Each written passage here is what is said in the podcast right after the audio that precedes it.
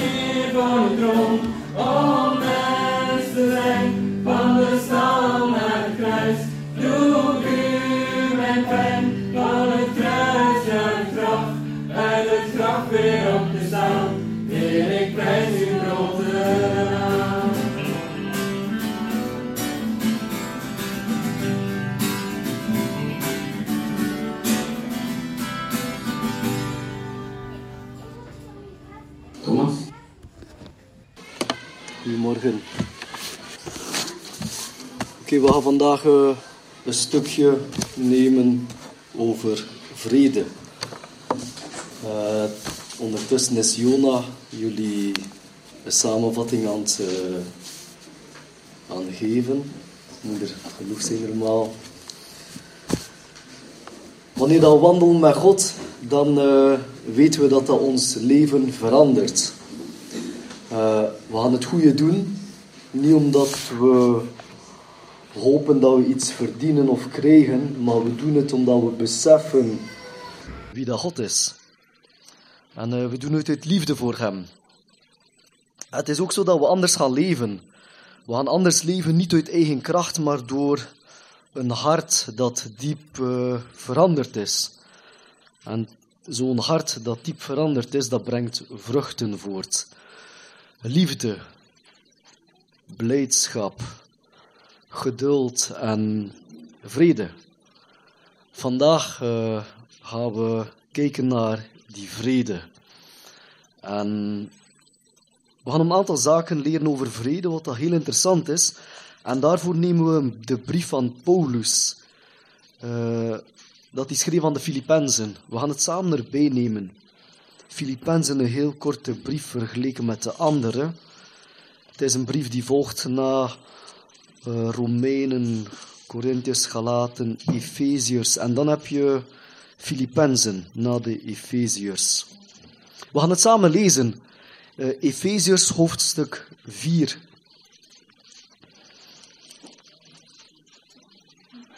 Nee, sorry, Filippenzen hoofdstuk 4. Filippenzen hoofdstuk 4, vers uh, eh, 4. Ehm, ik ga het jullie voorlezen, Filippenzen. Dat is de brief die Paulus schreef aan de christenen in Filippi. Filippenzen hoofdstuk 4, vers 4 tot 12. Dit is hetgeen wat Paulus schreef naar die christenen daar. Verpleit u in de Heer te alle tijden. Wederom zal ik u zeggen, verblijd u. Uw vriendelijkheid zij alle mensen bekend. De Heere is nabij. Wees in geen ding bezorgd, maar laat bij alles uw wensen door gebed en smeking met dankzegging bekend worden bij God. En de vrede van God, die alle verstand te boven gaat, die zal uw harten en uw gedachten behoeden in Jezus Christus. Voorts, broeders, al wat waar, al wat waardig, al wat rechtvaardig is, al wat rein, al wat beminnelijk, al wat welluidend is, al wat deugd heet en lof verdient, bedenkt dat. Bedenkt dat. Wat u geleerd en overgeleverd is, wat gij van mij gehoord en gezien hebt, breng dat in toepassing en de Heere en God des vredes zal met u zijn. Ik heb er mij ten zeerste over verblijd in de Heere, dat gij nu eindelijk uw belangstelling in mij hebt kunnen verlevendigen, omdat gij wel belangstelling had, maar niet de gelegenheid. Niet dat ik dit zeg, als zou ik gebrek lijden, want ik heb geleerd met de omstandigheden waarin ik verkeer genoegen te nemen. Ik weet wat armoede is. Ik weet wat overvloed is. In elk opzicht en in alle dingen ben ik ingewijd, zowel in verzadigd worden als in honger lijden, zowel in overvloed als in gesprek, in overvloed of in gebrek. Een heel interessant stukje dat hij schreef aan die christenen daar in de gemeente, in, in die stad. En er zijn een aantal zaken die we eruit gaan pikken. We gaan drie zaken eruit halen.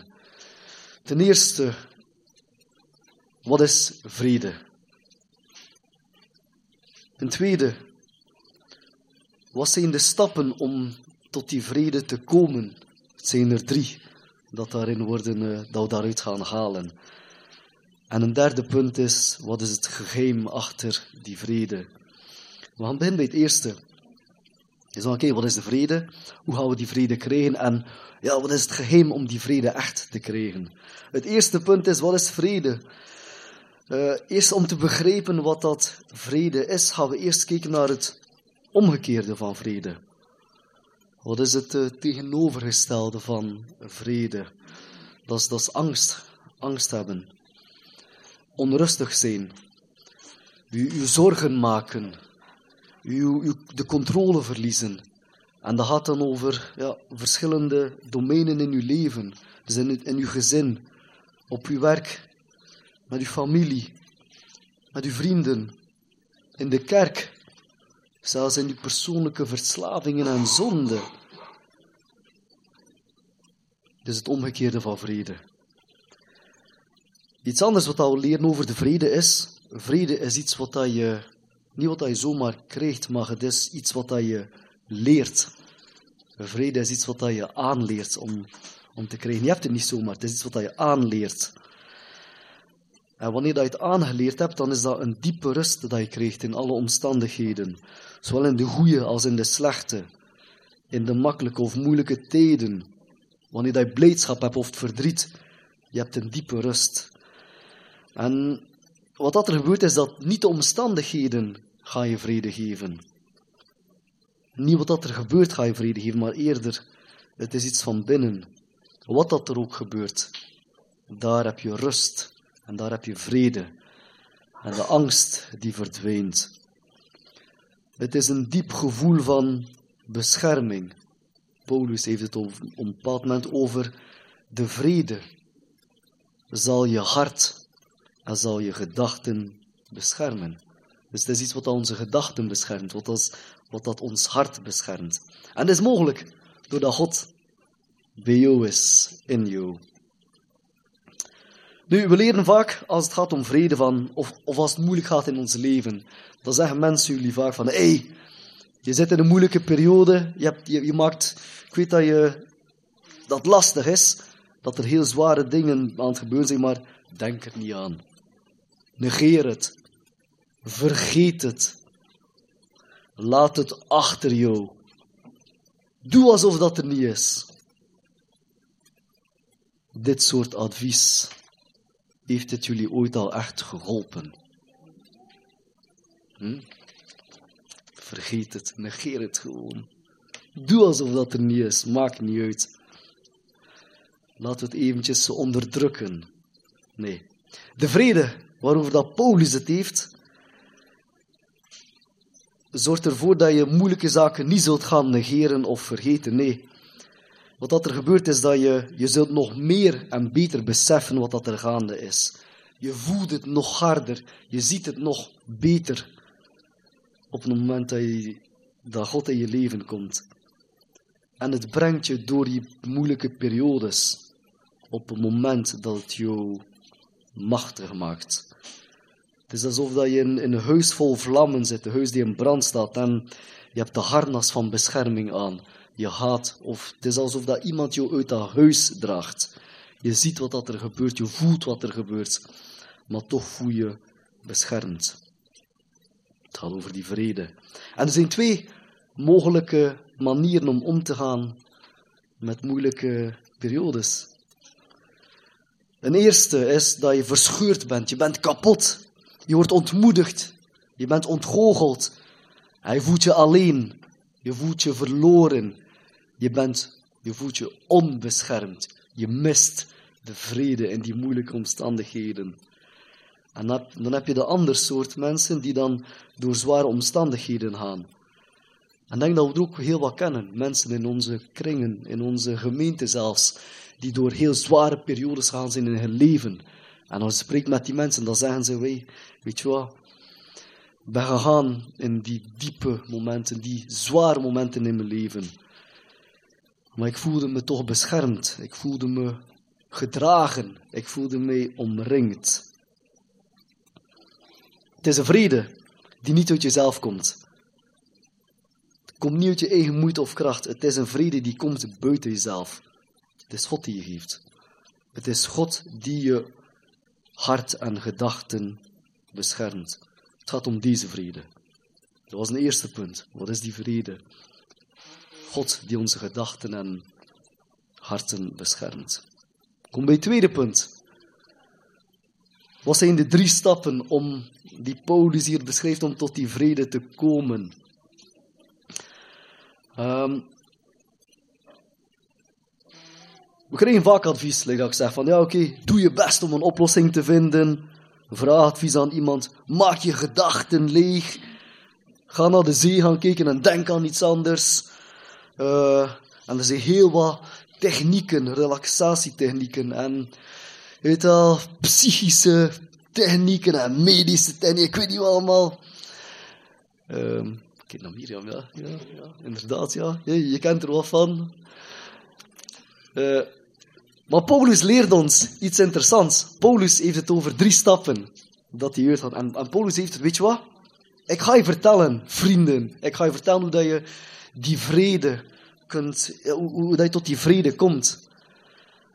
En dat zijn drie dingen. Ten eerste, nadenken.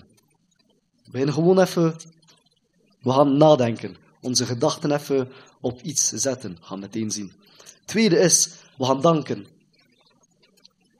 En als hem nagedacht en als hem gedacht en gedankt, dan gaan we lief hebben. Dan gaan we zien waar dat ons hart naar uitgaat.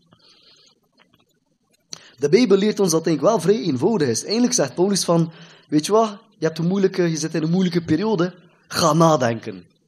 Ga even terug nadenken over de makkelijke dingen. Makkelijke dingen, moeilijke dingen. Ga nadenken over de waarheid. Ga nadenken over het goede. Ga nadenken over de oorsprong van het leven. Alles wat je hebt geleerd hebt, denk erover na. De vrede die komt wanneer je komt tot God. Hij komt tot God wanneer je aan hem denkt. En je denkt aan God wanneer je de belangrijke vragen stelt van het leven. En dat is voor iedereen van toepassing. Dus in plaats van de vrede rechtstreeks te zoeken, in plaats van een oplossing te zoeken voor uw huidige problemen, laten we een stap terugzetten. Laten we terugkeren naar de belangrijke vragen in het leven. Bestaat God? Wie heeft de aarde gemaakt? Wie heeft het universum gemaakt? Wie heeft jou het leven gegeven? Wie heeft het leven gegeven van je vrouw, van je kinderen? Wie maakt dat je begint te zingen? Wat zijn de goede dingen in je leven die geweest zijn? Wat zijn de goede dingen die rondom jou gebeurd zijn? Wat zijn de goede dingen bij je kinderen? Wat zijn de goede dingen bij je partner? Wat zijn de goede dingen in je werk? Want welke situaties heb je meegemaakt dat je zegt van hé, hey, ik was inderdaad beschermd geweest? Wanneer heb je die blijdschap ervaard? De belangrijke dingen we terug in vraag stellen. We terug gaan bezoeken, die belangrijke vragen. Ik ga duidelijk zijn voor iedereen. Als er geen God is, dan is er geen doel in ons leven. En als er geen doel is in ons leven, dan maakt het niet uit hoe dat we leven. Dat leven hoe dat je wilt, maakt niet uit. Want uiteindelijk he, gaan we toch gewoon sterven, maar zijn we tot niets. Als er geen God is, kunnen we allemaal doen wat we willen. Dan maakt het niet uit. Of, als er geen God is, kunnen we allemaal doen wat we willen en zullen we allemaal in de hemel raken. Er zijn maar twee mogelijkheden. Oftewel is er geen God en er kan er chaos zijn. Kunnen we al doen wat we willen, maakt het niet uit. Maar er is wel een God. Er is een God die het universum maakte. En er is een God die persoonlijk is, die ons het leven gaf. Die het leven van je vrouw gaf, het leven van je kinderen. Hij gaf niet enkel het leven, heeft ook ons ook lief. Hij heeft niet, ons niet enkel lief, maar heeft alles in zijn hand. En wat dat er ook gebeurt, hij is er. In de goede en slechte omstandigheden. God maakt er iets moois van. De eerste stap die Paulus aanhaalt, denk na over die belangrijke vragen in het leven. Een tweede dat Paulus aanhaalt is, ga danken. Eén keer dat we hebben nagedacht over die belangrijke vragen in het leven, gaan we danken. Christus zijn betekent niet dat we een beter leven zullen hebben dan niet-christenen. Helemaal niet. Christen zijn betekent ook niet dat we een slechter leven zullen hebben dan niet-christen. Nee, christen zijn betekent dat we leven hebben met God naast jou. In goede en slechte periodes. En daarom zullen we samen dankbaar zijn voor de goede dingen. Voor de goede dingen in ons leven, laat ons dankbaar zijn. Maar ook voor de slechte omstandigheden, de slechte dingen die gebeuren. Laten we God danken. Ook voor de slechte dingen laten we God blijven danken, wat dat er ook gebeurt. Want we weten dat uiteindelijk God ook slechte dingen tot uh, ten goede gebruikt in ons leven, in het leven van mensen dat hij heeft het leven gegeven. Hij kan zeggen, volgende, oké, weet je wat, vader, God, we zijn zoveel jaar naar de kerk geweest, hoe komt het dat ik op jonge leeftijd mijn moeder heb verloren? Hoe komt het dat ik op jonge leeftijd mijn kind heb verloren? Hoe komt dat mijn kinderen eerder zijn gestorven van mij? Hoe komt het? Hoe, kan het hoe, hoe komt dat u zo vreed bent, vader? We verliezen hier mensen rondom ons.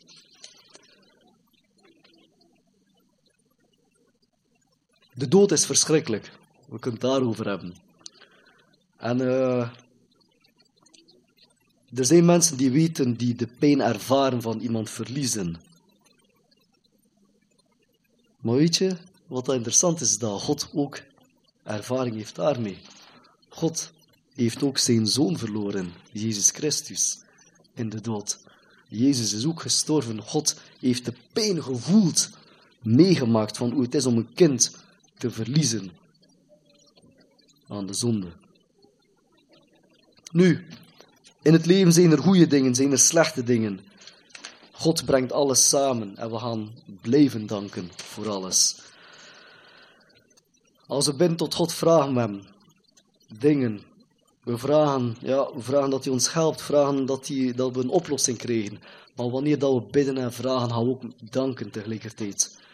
Los van wat dat de uitkomst is. Los van wat het resultaat is. Bidden en danken voor wat hij zal doen. We gaan alvast danken als we bidden voor wat er zal gebeuren. Danken dat ons leven in zijn handen is.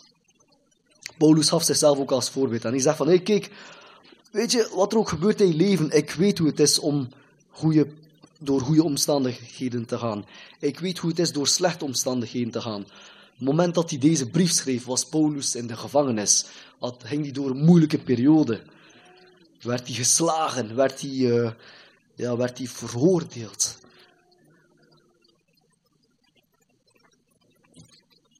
Dus Paulus zegt, ga denken, ga nadenken over de belangrijke zaken in het leven. Ga danken. En dan zegt hij ook, liefde hebben. Een derde stap is liefde hebben voor hetgeen wat juist is. Wat is het belangrijkste in ons leven? Het probleem van mensen is dat we allemaal, we hebben allemaal onrust, we hebben allemaal onvrede in ons leven. Omdat we de verkeerde dingen lief hebben, de verkeerde dingen in ons leven op de eerste plaats zetten. Bijvoorbeeld je financiën, geld, je werk, uh, het materiaal. Uh, maar het kan ook je taken zijn. Misschien zet je, je je taken in de kerk als eerste plaats. Of misschien zet je je gezin, of je vrouw of je kinderen als eerste plaats in je leven. Het probleem is, zijn allemaal dingen waarop dat we niet gewoon kunnen vertrouwen. Stel dat je, dat je helemaal, ja, dat je het belangrijkste van al vindt je gezin. Ja, ik vind het belangrijkste dat er vrede is in mijn gezin. En ik wil dat mijn gezin in orde is. En ik wil dat mijn gezin goed draait. Dat, er, ja, dat mijn kinderen goed zijn en al. Van als dat er één iets gebeurt met je kinderen, ben je helemaal kapot. Je hebt zoveel waarde en belang gehecht aan je gezin. Van, van dat er iets gebeurt, ben je kapot. Paulus vertelt ons. Weet je wat, het zijn allemaal goede dingen hoor. Het is niet dat je, dat je er geen aandacht aan moet geven. Nee, dat zegt Paulus niet. Paulus zegt van, je moet het niet als eerste plaats nemen. We leren dat we God in de eerste plaats moeten zetten. God gaf ons het leven. God geeft ons lief. We moeten Hem zoeken, we moeten Hem danken. En dan zegt Paulus, we moeten God lief hebben als derde stap. Dus ik heb jullie verteld, nadenken. Wie heeft, wie heeft de aarde gemaakt? Wie heeft ons het leven gegeven? Tweede punt, we gaan danken. Dank wel, Vader, voor de goede dingen. Dank wel voor de slechte dingen die gebeuren. Dank wel voor wat dat u zult doen. En een derde ding, God liefhebben. We moeten God liefhebben. Stel dat ik hiermee eindig ik zeg, oké, ga naar huis en, en heb God lief. Ik heb een vraag. Vol, stel als ik jullie de opdracht geef, ga God lief hebben. We zien elkaar volgende week terug. En hoe heb je het gedaan? Hoe heb je God lief gehad? Hoe heb je dat gedaan? Zo weten hoe je eraan begint. Ik heb, ik heb geen idee. Als iemand mij dat vertelt, ik weet toen ik jonger was. Je moet God lief hebben. Je moet, God, je moet van God houden. Ik zeg, God, wat is God? God is zo... Het is niet tastbaar. Ik, ik, je weet wel, ik, ik, kan mijn vrouw lief hebben, ik kan haar zien. Ja, ik kan haar, kan haar zien, ik, kan met haar omgaan, ik kan, lief, kan mijn kinderen lief hebben, oké. Maar hoe kan ik God lief hebben? Het is, hè, het is toch een moeilijke. Vooral wij als christen, die zoveel jaren christen zijn, hoe komt dat zo'n makkelijke vraag zo moeilijk te beantwoorden is? Nu, Paulus gaat dan verder. Wat is het geheim achter God liefhebben? Paulus zegt, oké, ik we leren dat, ik dat, dat God, ja, dat, dat, dat dat maar iets vloe is, dat dat niet altijd tastbaar is. Maar weet je wel, we moeten terug nadenken over wat er is gebeurd. En er is één evenement in de wereld die gebeurde, en Jere had het erover, dat misschien wel meer tastbaarder is dan gewoon God liefhebben. En dat is komen tot één persoon. Jezus. Paulus zegt, weet je wat, laten we terugkeren naar Jezus Christus. Wat heeft hij voor ons gedaan? En het probleem is het volgende. Zolang dat we niet begrijpen wat dat Jezus Christus heeft gedaan in zijn leven, zolang dat je niet begrijpt wat dat Jezus Christus heeft gedaan voor jullie, dan ga je ook nooit tot God komen. Dat je ook nooit God begrijpen, dat je ook nooit God vatten. Vandaar moeten we terugkeren naar Jezus. Ik heb een tip voor jullie. Jullie hebben die samenvatting van mij gekregen. En gebruik het toch wel deze week om, om eventjes door die tekst te gaan deze week. En om die punten opnieuw te overlopen. Denk erover na, bid. En denk over Jezus. Weet je wat, als het gaat om Jezus, we hebben allemaal fouten. We hebben zoveel fouten. En die fouten maken ervoor dat we ons soms, ja, als het gaat om God. Oké, stel dat er een God bestaat. We zouden ons schuldig voelen om terug te keren tot God. We zouden ons ja, niet goed voelen omdat we zoveel fouten hebben. Maar Jezus kwam in deze wereld en hij toonde en was een signaal naar de wereld van kijk, hey, luister, ik ben de zoon van God. Ik ben God. Ik ga jullie vertellen, God houdt van jullie. God heeft jullie het leven gegeven en God houdt van jullie.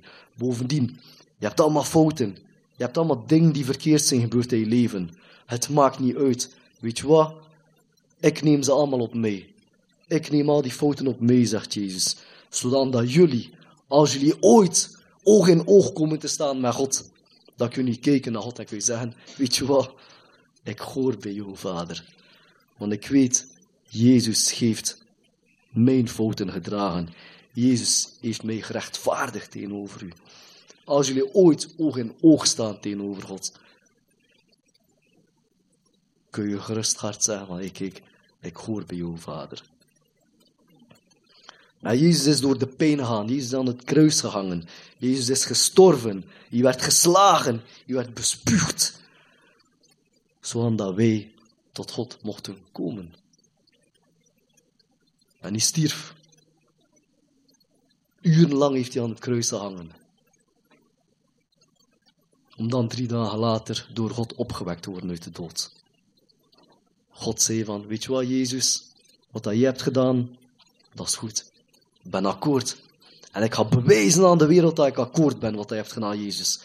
Ik ga jou uit de dood wekken. Ik ga bewijzen dat ik God ben. En ik breng iemand, ik breng een dood mens tot leven. Je Jezus. Je hoort allemaal bij God. Besef dat. Wat dat je ook hebt gedaan, wie dat je ook bent.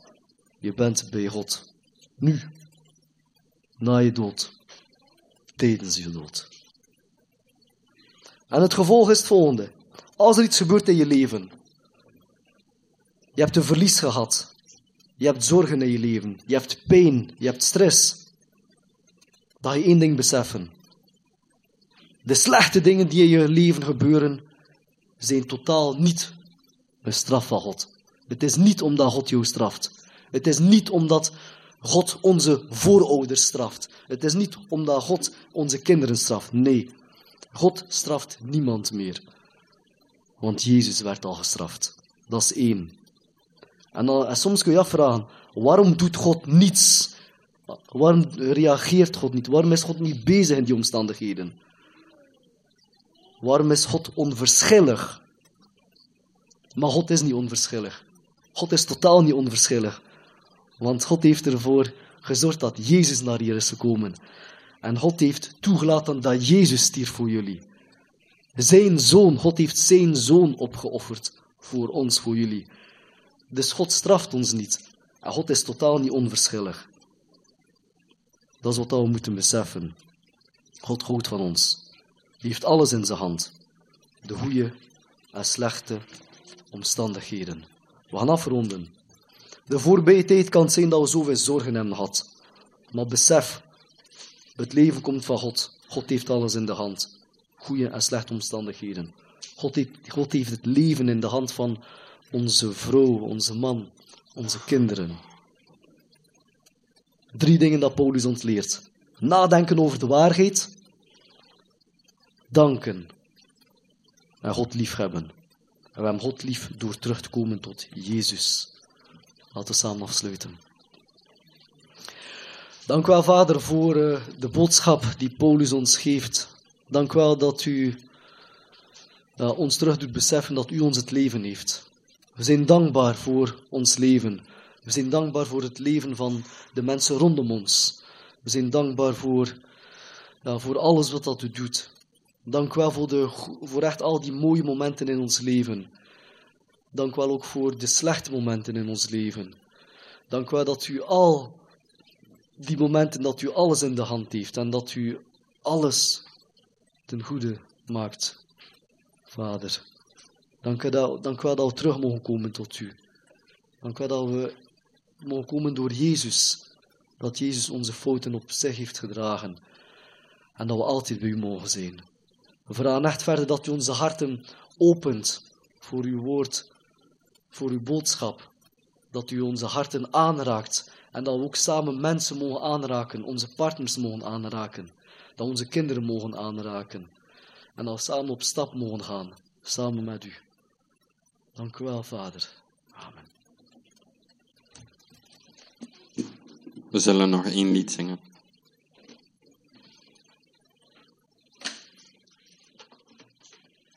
Sta gerust met mij uh, recht.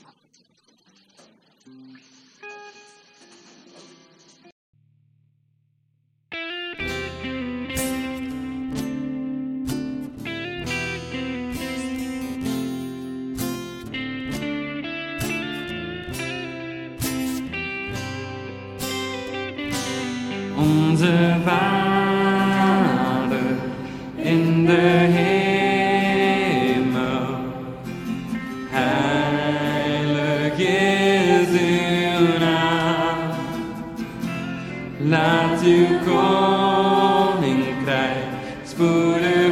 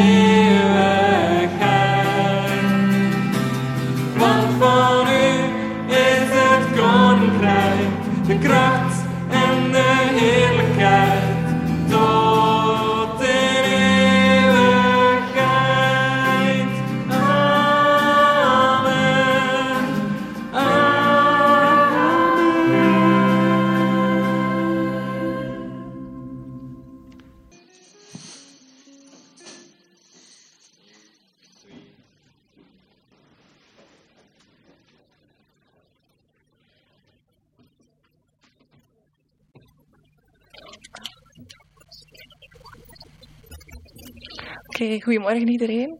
Uh, sommigen onder jullie kennen mij al van als ik een klein kindje was en anderen uh, zijn nieuw. Vandaar een klein introductiefilmpje. Uh, ik ben de dochter van Mark en Mieke um, en dat is hier mijn man Benjamin. Um, wij gaan normaal naar Ichtus, dat is hier aan Drinkshopping. Ja, als we in België zijn, we wonen in Australië natuurlijk. Um, dus ja, zoals in het filmpje zeiden, um, zijn wij werkzaam bij Youth with a Mission in Perth. Youth with a Mission is een internationale zendingsorganisatie. En wij zien Perth als een basis om uit te reiken naar Azië. Um, sinds 2015 is Ben al regelmatig op outreach geweest naar Nepal. En in november en december gaan wij er voor het eerst als familie naartoe. Dus voor Jonathan en mij zal het de eerste keer zijn in Nepal. Um, het is vooral een verkenningsreis voor ons als familie, omdat we willen uitzoeken of er een mogelijkheid is om lange termijn naar daar te verhuizen.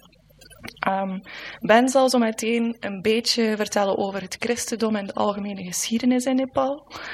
Um, ik weet niet wat er een micro is voor vertaling. Ik ook de PowerPoint zien?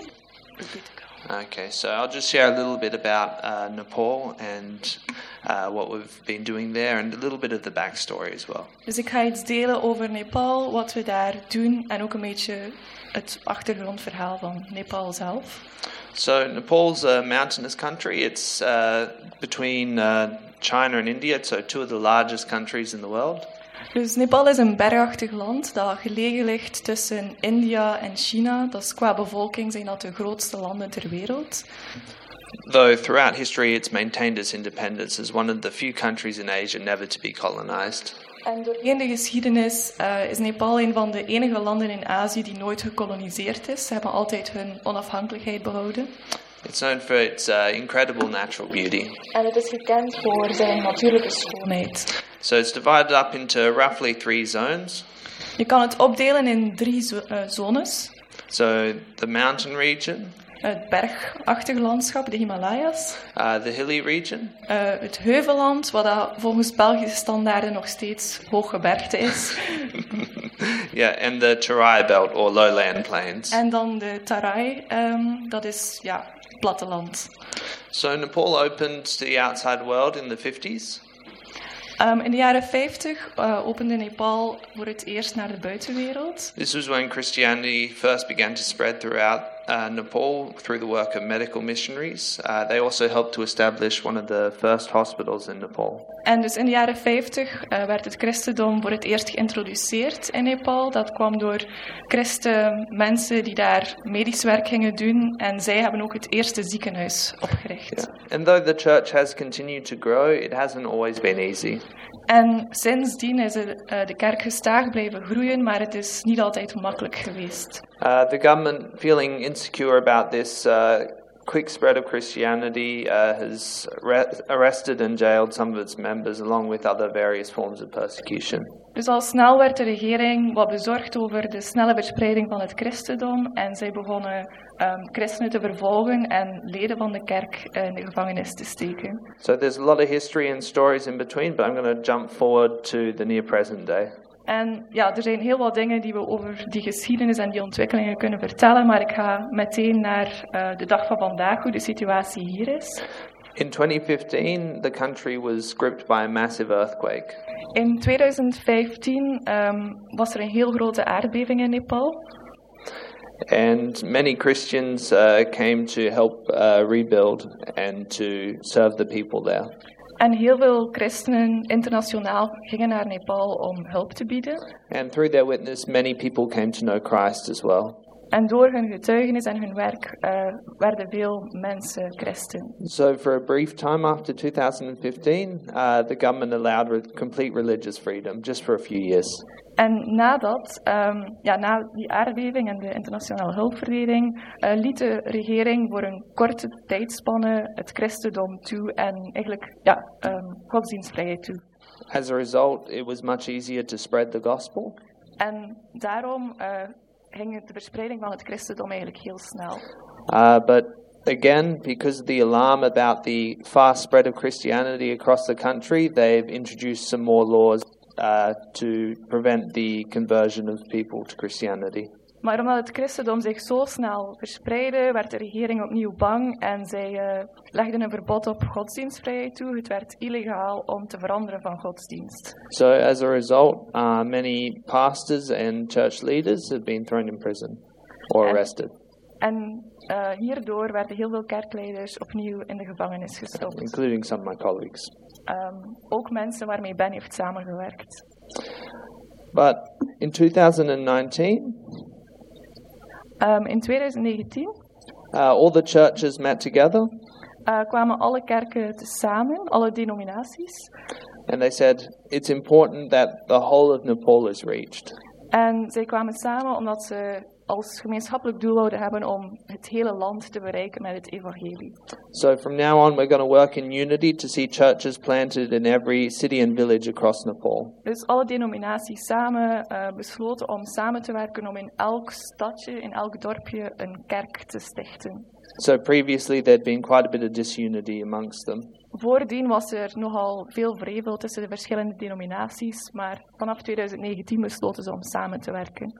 So some of the work that they're engaging in at the moment En ehm, enkele dingen waar de kerk bij betrokken is in Nepal op dit moment. So obviously spreading the gospel, spreading the good news, Uiteraard het eva- evangelie delen. and also helping those in need, ze, zorgen, ze dragen ook zorg voor mensen in nood. As well as uh, supporting their brothers and sisters who are facing heavier persecution. En ze bieden ook steun aan mensen die vervolgd worden en daardoor verstoten door hun familie. They're also working hard to see the Bible translated into Nepal's many local languages. En de kerk is ook hard aan het werk om de Bijbel te vertalen in de vele lokale talen in Nepal. Yeah, there's approximately 250 languages and dialects. Er zijn ongeveer 250 verschillende lokale talen in Nepal. So we have our work cut out for us. Dus er is heel wat werk te doen om de Bijbel te vertalen. So I also like to share a little bit uh, more personally what we're involved in. En nu ga ik ook iets vertellen over het werk waar wij bij- bij betrokken zullen zijn. So while I was serving in Nepal, uh, we worked along the Nepal-India border. Eh, toen ik, dus Ben, ehm, eh, ja, werkte in Nepal en daar op outreach was, ehm, was ik werkzaam dicht bij de Indische grens. And through that work, we were able to see uh, two churches founded, En tijdens mijn werk heb ik daar geholpen om twee kerken te stichten. And also we were able to participate in helping to equip leaders uh, to help establish the church and make it strong. En het team waar Ben deel van was, ehm, heeft ook geholpen om kerkleiders, die vaak jonge christenen zijn, op te leiden eh, en te onderwijzen. And also supporting those who are facing uh, persecution as well. En zijn ook betrokken geweest bij mensen opvangen die vervolgd worden en verstoten. For, for many, they have to face a lot of social pressure. Ehm, heel veel christenen in Nepal ehm, hebben te maken met ehm, grote sociale druk. Uh, some of them have been driven out of their families and their homes for their belief, sommigen worden verstoten uit hun gezin, uit hun huis. yet they remain steadfast. Maar ondanks dat blijven ze standvastig in geloof. But we also understand it's important to care for people's physical needs as well as their spiritual. Eh, maar we begrijpen ook dat het belangrijk is om zowel voor de materiële als de geestelijke noden te voorzien. So we also engage in a lot of projects to help improve the quality of life of the people. Dus we zijn ook betrokken bij heel wat projecten die helpen om de levenskwaliteit van de mensen te verbeteren. So things as simple as building water filters, Eh, dat gaat bijvoorbeeld over het bouwen van waterfilters, um, also doing simple healthcare training, ehm, eenvoudige ehm, gezondheidszorg, as well as uh, improving the education standards for children as well. en ook het voorzien van eh, basisonderwijs voor kinderen. Um, so- Ehm, dus ja, tijdens onze reis naar Nepal ehm, zullen we de projecten waar Ben al mee betrokken was in het verleden verder opvolgen. En zoals ik al zei, gaan we ook een beetje ehm, verkennen daar als familie dan, omdat het voor mij de eerste keer is. Ehm, nu, gebed voor deze reis is zeker welkom. Eh, de levensstandaard in Nepal is vrij laag. Eh, het zal er ook winter zijn wanneer we daar zijn. We zitten hoog in de bergen. Ehm, dus ja, bid zeker voor bescherming, eh, voor Jonathan en gewoon voor ons als familie. Een ander gebedspuntje is dat ik momenteel zwanger ben. En ik wil natuurlijk geen voedselvergiftiging oplopen, dus daar mag zeker voor gebeden worden. En dan een derde puntje is ehm, ook bidden voor ehm, eh, fundraising. Dus eh, wij leven van giften als zendeling. We zijn afhankelijk van eh, wat mensen ons geven. En we hebben nog een beetje ehm, geld nodig om die reis te fi- financieren. Dat gaat vooral naar het vliegticket. Het leven zelf en ons transport en verblijf in Nepal is, is heel goedkoop. Maar we zijn goed op weg, dus gebed is zeker welkom daarvoor. Ehm, eens kijken. Oh ja, dat is dus de trip die we gaan maken. Ehm, hier heb je ook ons contact onze contactgegevens. Ik heb ook kaartjes om uit te delen. En do you want to finish with the testimony? En Ben gaat nog eindigen met een korte getuigenis. En dan, eh, ja, dan zijn we afgerond voor vandaag, denk ik. Okay, so I'll just share a little little testimony about uh, the work that we're doing. So, when we were traveling, we had to stop by in a small city on the way, Eh, wanneer we aan het reizen waren in Nepal, eh, stopten we in een klein stadje onderweg. Uh, unfortunately, during that time, there was a lot of social unrest, so uh, the vehicles got burnt, so we were stuck in the city for a little bit. En er was nogal veel sociale onrust en ons voertuig werd eigenlijk in brand gestoken, waardoor dat we vastzaten in die stad. So, while we were there, we decided to make the most of the time. En terwijl we daar waren, dachten we, we gaan gewoon het beste van onze tijd maken hier. So, a friend of mine uh, and I, we just went and we were walking down the streets and praying. En ehm, ik en een vriend ehm, waren gewoon rond aan het wandelen in de stad en we waren aan het bidden terwijl dat we aan het wandelen waren. And I got this feeling, oh, you should turn down this, this road here. En ik had een sterk gevoel dat we een bepaalde straat moesten inslaan. I was like, okay, well, I think this is something that God wants me to do, so I'll do it. En ik dacht, dat is misschien God die zegt, sla die straat in, dus ik sla die straat in. So after a few odd uh, turns, we ended up in a part of the city, well, quite lost really. En na een paar straten te hebben ingeslaan, beseften we plots dat we eigenlijk verloren gelopen waren. okay, this is a bit weird, but anyways, we got to find find someone to ask for directions so we Dus- can get back. We gingen op zoek naar iemand om de weg te vragen, om terug te geraken waar we verbleven. So I walked into one of the small stores on the side of the road, En ik stapte een van de winkeltjes binnen. And there happened to be one man there who spoke English, Er was maar één persoon aanwezig die Engels sprak. and we ended up becoming really good friends with him, En we werden eigenlijk meteen goede vrienden. and we were able to share the gospel with him. En we deelden het evangelie met die persoon. So he was uh, from the uh, prominent Hindu priest family. En hij was eigenlijk, ehm, hij kwam uit een hindoe, een eh, familie van hindoe-priesters. So, even though he was very touched by the gospel, he was afraid to follow Jesus at that point. En hij was echt geraakt door het evangelie, maar hij was bang om ehm, God te volgen, om Jezus te volgen. He said, If I follow Jesus, I think my family will try to kill me. Eh, hij zei, als ik eh, beslis om Jezus te volgen, zal mijn familie mij waarschijnlijk vermoorden. So we prayed with him, and God touched his heart, and you'd see the tears rolling down his face. En we baden met hem en we zagen echt dat God hem aanraakte en hij begon te wenen. So the day drew near that we were finally able to leave the city. En de dag dat we eindelijk ehm, in staat waren om de stad te verlaten, So by that time, I'd actually got quite sick with salmonella. ehm, die dag eh, was ik eigenlijk vrij ziek, want ik had salmonella opgelopen. So I was busy rolling around my bed in pain, En ik was dus vooral aan het rondrollen in mijn bed, omdat ik zoveel pijn had. and I heard a knock on my door. En ik hoorde een klop op mijn deur. And I really wasn't in the mood to see anyone at the time. En ik was niet echt eh, in de moed om ja, iemand te ontvangen. So I, I pulled myself out of bed, opened the door, and my Indian, uh, my Nepali friend was there. Ja, en ik ja, forceerde mijzelf om op te staan en de deur te openen. En daar stond die ehm, vriend die we hadden leren kennen. He's like, "Oh, come on, let's catch up one last time before you go." En hij was ehm, heel enthousiast. Hij zei, kom aan, laten we nog samen een beetje tijd met elkaar doorbrengen voordat je weggaat. Inside, I really didn't want to go, En ik wou echt niet gaan. but I knew that it was important. Maar ik wist dat het belangrijk was om tijd met hem te besteden. So we went out into the city, En dus we gingen naar de stad. and we, we were walking through one of the, the parks in the area. En we wandelden door een van de parken daar. So I felt to ask him one more time. So, what do you think about the message of the gospel? En ik vroeg hem nog één keer, eh, wat denk je van ehm, het evangelie dat we je verteld hebben? Like, okay, when we're somewhere quiet, I want to talk to you about that. En hij, en hij zei, laten we ergens een beetje in het geniep gaan, want ik wil jou daar iets over zeggen. So we went, we went aside somewhere where no one was, En we gingen ergens waar niemand ons kon horen. and he said, I thought about it, and I've decided I want to follow Jesus. En hij zei, ik heb erover nagedacht en ik heb besloten dat ik Jezus wil volgen. And I want to tell my whole family about En ik Jesus ga too. mijn hele familie erover vertellen.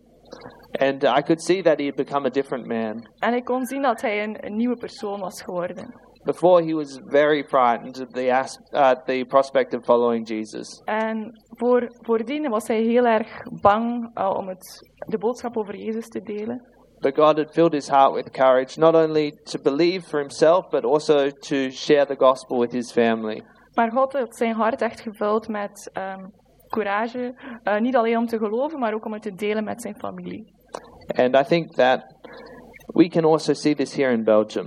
En ik ben ervan overtuigd dat we dit ook kunnen zien hier in België. So we organized this with the other church, but I thought maybe it's good just to share it here as well. Uh, we hebben iets georganiseerd met Ichtus, de kerk, maar we willen het ook hier delen. So on Friday, Uh, deze vrijdag. uh, we're meeting at Ictus at 7, Uh, we, we komen samen in Ichtus om 7 uur 's avonds. and we're going to go out onto the streets and share the gospel with anyone we can find. En we gaan ehm, de straat op gaan om het evangelie te vertellen voor iedereen die het wil horen. So if you want to hear these stories happen in this city too, En als je deze verhalen ehm, ook wil zien gebeuren hier in Kortrijk, anyone who's willing is welcome to come also. iedereen die ehm, geïnteresseerd is, mag komen met ons. Dankjewel. Is dat afronden?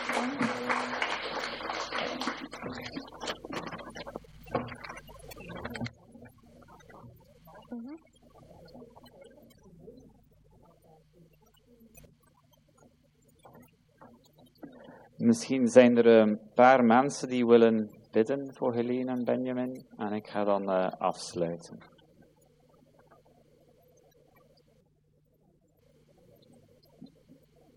Yes, Heavenly Father, we thank you for Helene, Benjamin, Jonathan, for this family.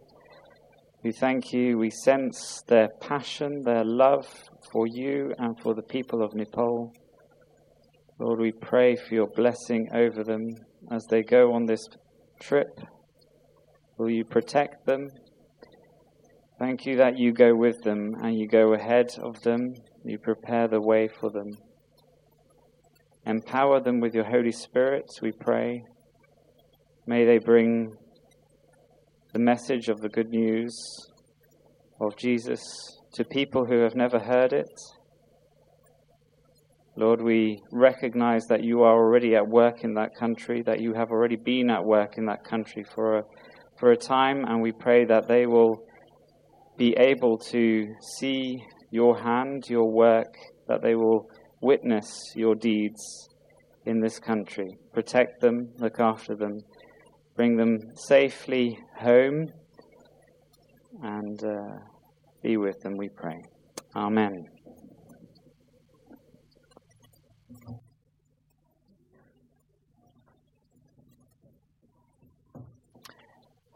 Ik heb nog enkele mededelingen. Ehm, zoals sommigen, eh ja, de meesten waarschijnlijk weten, wij hebben eh, van de overheid ehm, erkenning gekregen onlangs voor een bedienaar van de eredienst aan te stellen. En eh, ik kreeg gisteren een mail van Thomas dat het koninklijk besluit is ook eh, allemaal ondertekend. Ehm, dus dat wil zeggen dat we eigenlijk vanaf nu mogen beginnen zoeken voor een bedienaar van de eredienst.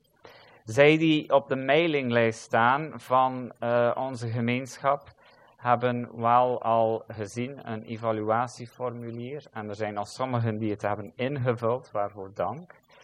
Ehm, de bedoeling van dat formulier is om ehm, te luisteren naar hoe dat wij als gemeenschap het ervaren hier. Wat zijn de sterke punten? Wat zijn de werkpunten in onze gemeenschap? Waar kunnen we een bedienaar van de eredienst best voor gebruiken? Welk soort profiel hebben we nodig? Op basis daarvan gaan we dan inderdaad een vacature uitschrijven. Maar het is dus eerst de bedoeling dat wij samen als, als kerk gaan bidden, gaan nadenken van ja, wat, wat wie zoeken we voor? Wat hebben we nodig? Hoe wil God ons leiden? En daarvoor willen we de tijd nemen. Dus ehm, vul dat formulier in, alsjeblieft. Je hebt één maand om het in te vullen. Voor zij die geen mail hebben, heb ik uh, enkele kopieën op papier meegebracht. Dus spreek mij aan na de dienst en ik geef je dan uh, een kopie. Voor zij die ook misschien meer recent deel zijn van onze gemeenschap, welkom. Als je uh, ook op de mailinglijst wil komen te staan, neem dan contact op met een van de oudsten. Dat is ik, Thomas, Jan of Stefan. Um, de tweede mededeling gaat over het gemeenteweekend. Binnen ja, een kleine drie weken is het zover en uh, is het de gemeenteweekend. Um, nog enkele mededelingen daarbij, praktische dingen. Voor zij die nog niet betaald hebben, graag uh, dat in orde brengen. Dan vervoer. Um, voor zij die willen, gaan we een, toch samen uh, uh, in een, hoe zeg je dat? kolon, gelijk in het leger of zo, um, naar de locatie. Ah, voel je vrij om zelf daar ook naartoe te gaan. Maar voor zij die willen, gaan we hier toch met enkelen vertrekken vanuit uh, de pottenbakker. Als je daar uh, wil meegaan, of als je ook no vervoer nodig hebt, spreek mij aan en dan gaan we zien wat we kunnen uh, regelen. Nu, sommigen hebben laten weten dat zij niet overnachten, maar dat zij wel tijdens de dag zullen komen. Wij moeten dat ook weten om ja, voor de maaltijden hoeveel wij gaan zijn. Dus als je niet overnacht en dus misschien ook niet hebt ingeschreven, maar je bent wel van plan om tijdens de dag te komen voor de vergadering, dat is prima om dat te doen. Maar dan moeten we dat wel weten voor de maaltijden. Dus laat het aan mij of aan Jael of Hester uh, of Toby weten. En dan gaan wij dat kunnen noteren en zo doorgeven. Goed, en ik hoop dat we er allemaal ook naar uitkijken. Het zal echt een, een bijzondere gezegende tijd zijn samen, denk ik.